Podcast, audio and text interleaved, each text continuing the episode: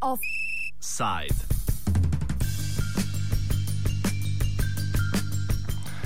O darovih narave, ki se vam te dni dobrohotno ponujajo.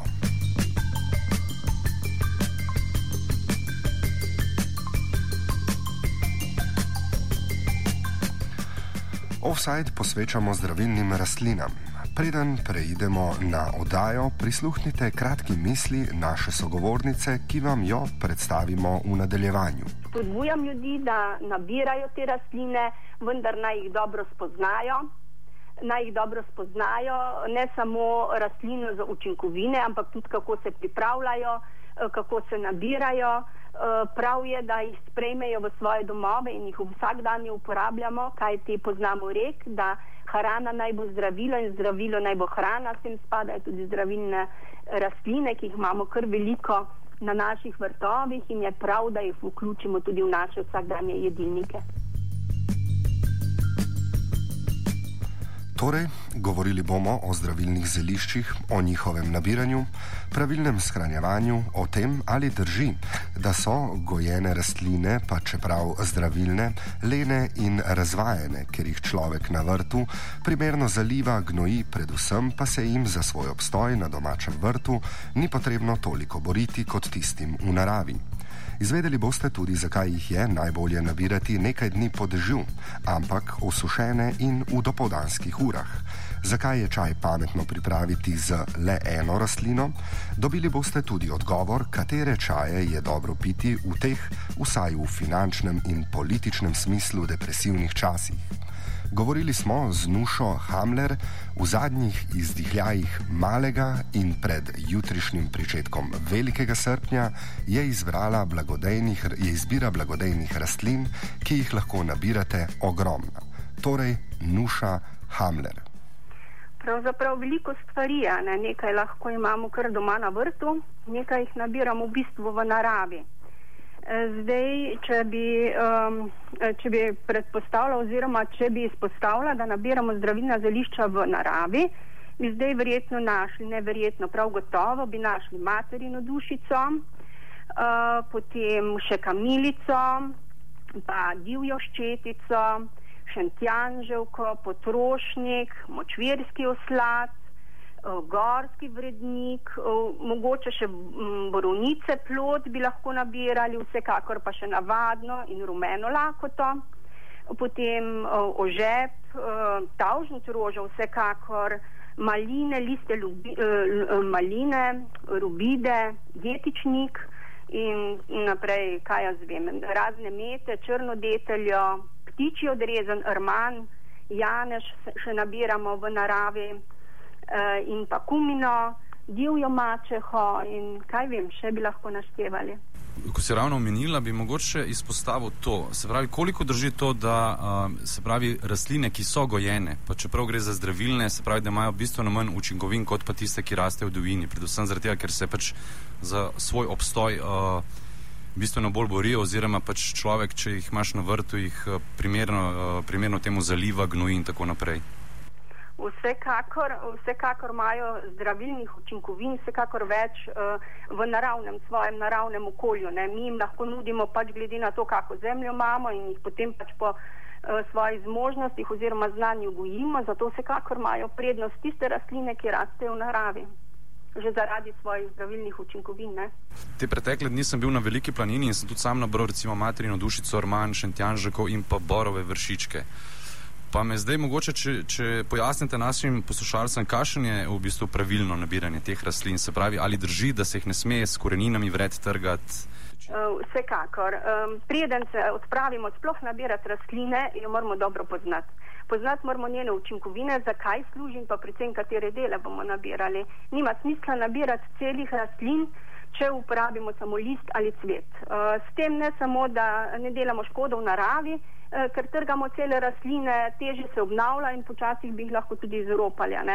Smiselno je nabirati tisti del, katerega uporabljam oziroma katera zdravi, v katerih je največ zdravilnih učinkovin.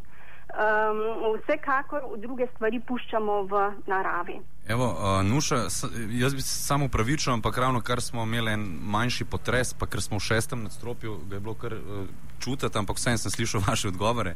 Pa če mi ja kar nadaljuje s pogovorom. No? Um, in sicer se pravi, zanima me zdaj uh, sledeča stvar. Ne? Se pravi, kašni pa so potem recimo, uh, zdaj ko sem jaz nabral vse te omenjene rastline, se pravi, kašen je pravilen postopek njihovega sušenja in pa kasneje tudi hranjenja. Uh, vsekakor te rastline nabiramo uh, nekaj dni po dežju, se pravi, gledati moramo, da je vreme lepo. Uh, takrat imajo te rastline največ učinkovin v sebi in pa praviloma jih ne peremo, se pravi, ne umivamo jih z vodo. Te rastline iz naravnega okolja ponavadi dobro otresemo, mogoče s prsti um, pregledamo, da ni žužkov. Kar se tiče cvetov, naprimer pri arniki, pri uh, pri šentjanževki, pri tavžent roži, jih, ko jih prinesemo domov, ponavadi razgrnemo na en svetu papir z cvetom na vzdolj zaradi tega, da pač še odleze ti žužki, kateri še bivajo v teh rastlinah. Eh, potem pa jih sušimo, praviloma nekje na senčnem in zračnem prostoru. Eh, zdaj, zadnje čase so tudi sušilci, ker so različni, se pač ravnamo po navodilih ampak vseeno tisto naravno sušenje pa je nekje v senci in pa v zračnem prostoru. Kar se tiče listov, jih vsekakor nabiramo v dopoldanskih časih, nekje opoldan, um, nerosne uh, in pa jih potem, zdaj, če imamo vejce, kot so naprimer um, materina dušica ali pa dobra misel, jih povežemo v šopke, jih čim manj mečkamo in jih tako sušimo. Večje cvetove ponavadi razgrnemo na uh, tanke plasti, da jih lažje posušimo. Uh, v glavnem pazimo, da jih ne sušimo predolgo oziroma ne na soncu. In nik, uh, nikoli ne nabiramo vlažnih rastlin. Se pravi, ko ste ravno prej omenila, da, pravi, da je najbolje nabirati par dni po dežju, Tako. Me zanima, se pravi, uh, pač ta primer spet moj, ko sem jaz nabiral, namreč drža kar nekaj časa že ni. Se pravi, kaj to pomeni za same te uh, pozitivne učinkovine v rastlinah? Koliko manj jih je, se pravi, zdaj? Uh, vseka, vsekakor nekoliko manj.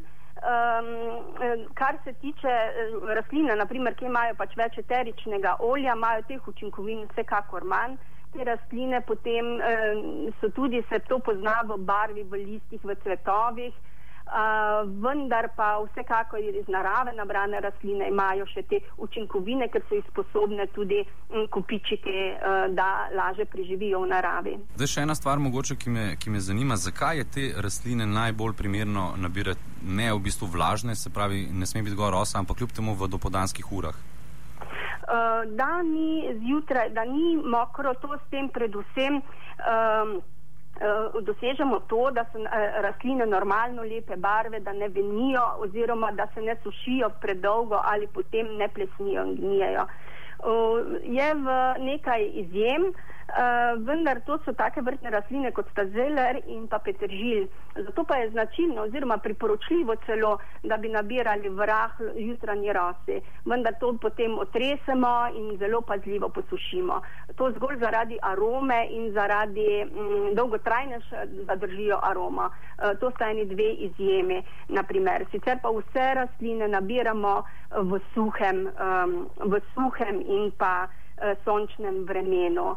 Um, ker jih pač moramo, ker jih ponavadi nabiramo na, na zalogo, je potrebno, da te rastline zelo, zelo um, previdno, ko jih posušimo, tudi um, skladiščimo se pravi ali v steklene kozarce, katere potem zračimo, ali v vrečke, eh, se pravi v papirnate vrečke oziroma v papirnate škatle, nikakor pa jih ne um, dajemo v plastične posode in tako naprej. Uh, te rastline moramo potem tudi hraniti um, nekje na stalni temperaturi, nekje na temnem, pa ne vlažnem prostoru, da potem držijo še nekaj časa.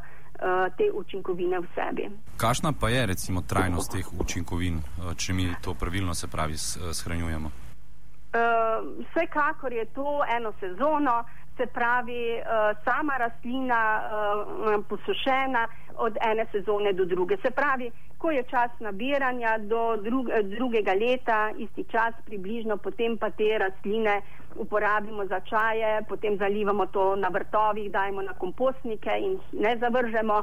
Uh, izgubijo pa veliko učinkovin in vsekakor niso tako zelo zdrave, sploh rastline, ki vsebujejo veliko eteričnih olj. Zdaj, Nuša, zanima me še ena zadeva in sicer, uh, a se sploh v bistvu splača nabirati, se pravi, recimo te zdravilne rastline, če so v bližini cest, recimo velikih mest, oziroma kakšen je vpliv uh, človeka uh, v smislu teh emisijskih, uh, se pravi, plinov na te uh, zdravilne rastline? Vsekakor nabiramo zdravilne uh, rastline uh, v stran od urbanega okolja, v stran, kjer so pač uh, možni ti vplivi industrije, avtocest in tako naprej. Uh, nabiramo v neokrnjeni naravi, tam, kjer je res čisto.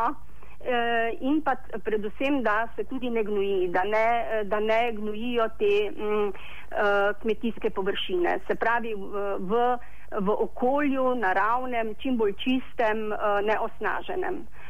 Mi vidimo ob cestah ogromno zdravilnih rastlin, se pravi, da narava se sama zdravi. Uh, rastline uh, zaseje točno tam, kjer jo narava najbolj potrebuje, se pravi v onesnaženem okolju, vendar za ljudi to ni dobro, da jih pobirajo. Koliko drži to, da je koprivo, se pravi, dobro nabirati samo, ko je mlada? ker potem, ko je, ko je recimo kopriva starejša, da nas se veže vse strupe iz zemlje in da pravzaprav potem nekih vsaj toliko pozitivnih učinkov nima. Eh, seveda, kopriva je ena izmed tipičnih rastlin, ne samo zaradi tega, ker ima največ rudnin in železa eh, in vitaminov v mladi rastlini, ampak je tipična rastlina, eh, ki je potrebna sploh ljudem v času, v spomladanskem času ta, ker, je, ker ima nekako oči, uh, očiščevalni uh, učinek na, na telo, predvsem pa tudi krepi kri.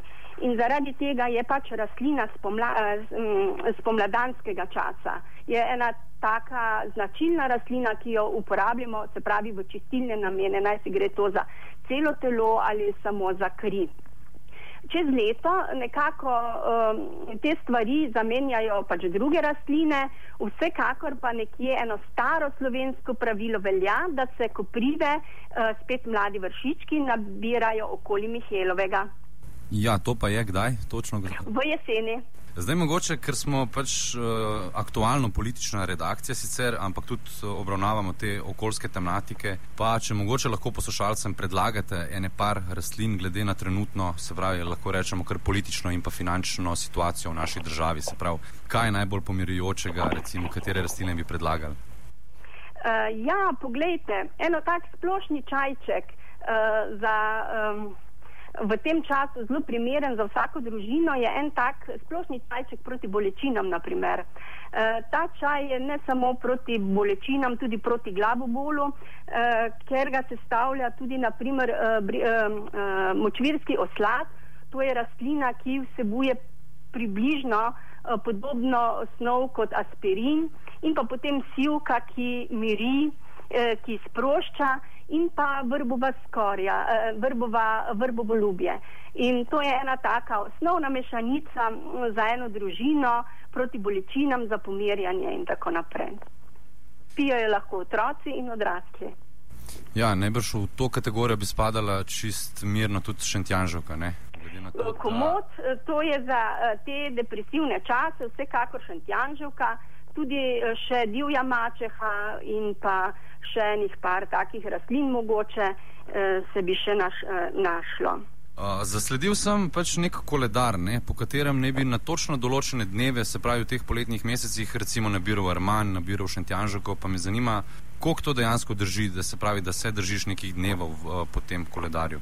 Vsekakor, vsekakor. Uh, po biodinamiki bi se, uh, biodinamiki bi se pravzaprav praviloma držali načela, da rastline, glede na del, ki ga nabirajo, nabirajo na dan za cvet, na dan za plot. um, v jeseni, ko se nabirajo korenine, vsekakor na dan za korenine. Takrat je pač v teh uh, delih rastlin največ snovi. Vsekakor pa še iz starega izročila, tudi sama, pa nabiram rastline po luninih menah, se pravi, da kadar uh, je prvi, in, uh, prvi krajec, se pravi prva in druga uh, lunina faza, ko gre luna, smo rekli včasih gor, v teh dnevih pač so zdravilne uh, učinkovine v rastlinah najbolj prisotne.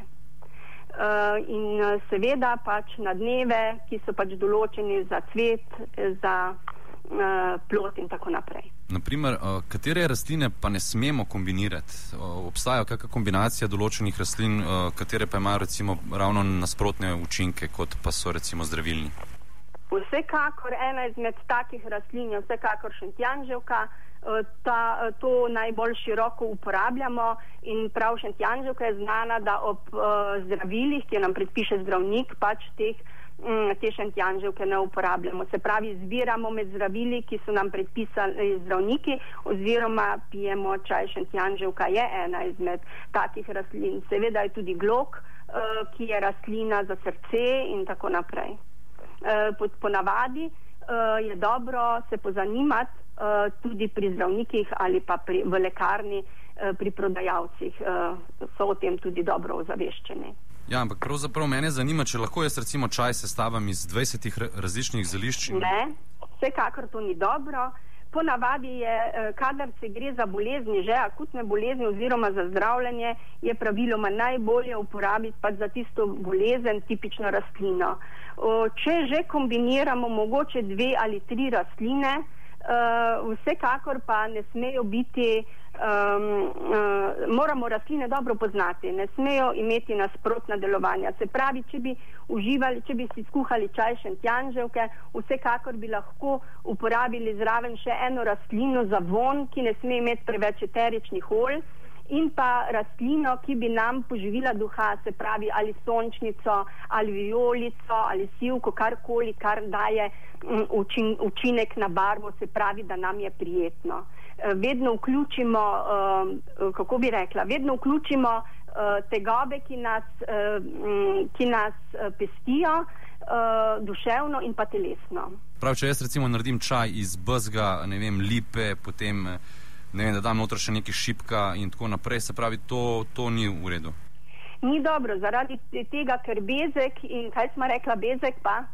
Lipa, recimo šipek. Lipa, to sta dve močni rastlini, kaj ti obe um, delujeta diuretično in pa znižujeta um, vročino. Uh, se pravi, če že, uh, če že nekje bi zbrali med bezgom in med lipo in potem dodali še uh, naslednji čaj oziroma zelišče naslednjega čaja. Eh, stvari, ki podvajajo oziroma ki so si v nasprotnem učinku ponavadi ne mešamo. Vedno mešamo osnovno rastlino, katero rabimo in pa potem dodajamo, sej pravim, za en psihosomatski učinek še rastlino, ki blago deluje ali pomirja ali pa poživi duha. Offside sta pripravila Luka Počivalšek in pa Glinenko, ki se bosta posvetila pripravi želodove kave. Srečno!